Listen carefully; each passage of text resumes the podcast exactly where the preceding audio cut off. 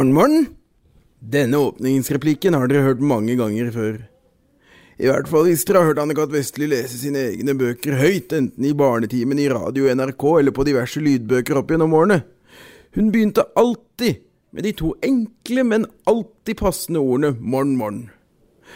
Og grunnen til at jeg også valgte å begynne på denne måten i dagens, eller rettere sagt denne ukens episode av Damsgaards dusin, det er fordi at det er nettopp Anne-Kat. Vestli jeg skal lese et uh, kjempeprosadikt, som det så fint heter, av.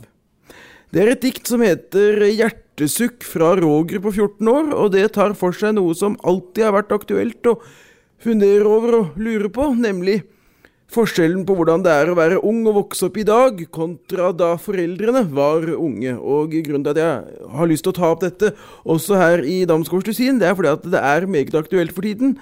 Særlig med tanke på um, en annen stor mediepersonlighet i Norge driver og tar for seg dette om dagen, nemlig Christine Koht. Hun har jo denne serien sin Koht og Kidsa som går på TV Norge, der hun gjennom å ha intervjuet og snakket med over 100 forskjellige ungdommer i Norge anno 2016 har funnet ut og trukket sammenslutninger og sammenlignet hvordan det er å vokse opp i 2016 kontra 1986, som det hun gjorde da hun var ung. og Det er derfor også jeg har lyst til å rette søkelyset mot dette temaet her i Damsgårds dusin. Og eh, nå vil dere nok legge merke til når jeg leser dette diktet at det er ganske lenge siden det har blitt skrevet. Derfor har jeg tatt med såpass kunstnerisk frihet at jeg har byttet på, byttet om da, på noen av ordene. Så referansene skal bli litt mer tidsriktige, og dere skal skjønne litt mer hva jeg snakker om.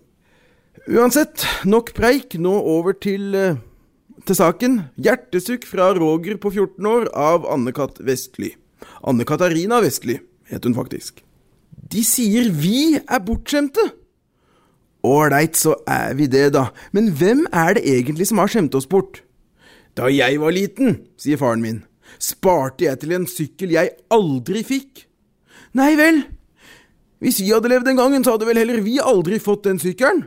Men vi lever nå, og vi har faktisk fått en del av det de voksne ønsket seg da de var små. Vel, så har vi det, da. Men dere skjønner, for oss er ikke iPhone og sykkel og TV og bil noe så forferdelig rart. Rett og slett fordi vi er født noen år for seint. Det er det vi er, og det er liksom vår skyld. Det er forresten fattern min som er mest gæren etter de tinga han sier at vi har fått rett opp i henda. Jeg er redd, sier jeg. Ja, jeg sier jo ikke akkurat det, da, men jeg sier noe annet, for jeg vil, jeg vil høre stemmen hans. Hysj, jeg ser på TV, sier faren min. Luftforurensning, sier jeg. Jenter, flaue bilder på Instagram Ålreit, jeg er redd.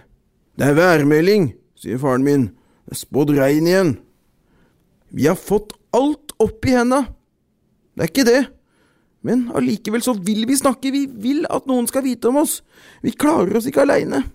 Hele tiden vil vi at noen skal vite at vi er der, og at vi faktisk er viktigere enn værmelding. Men det er vi ikke, og derfor blir vi ja, det kan forresten være det samme.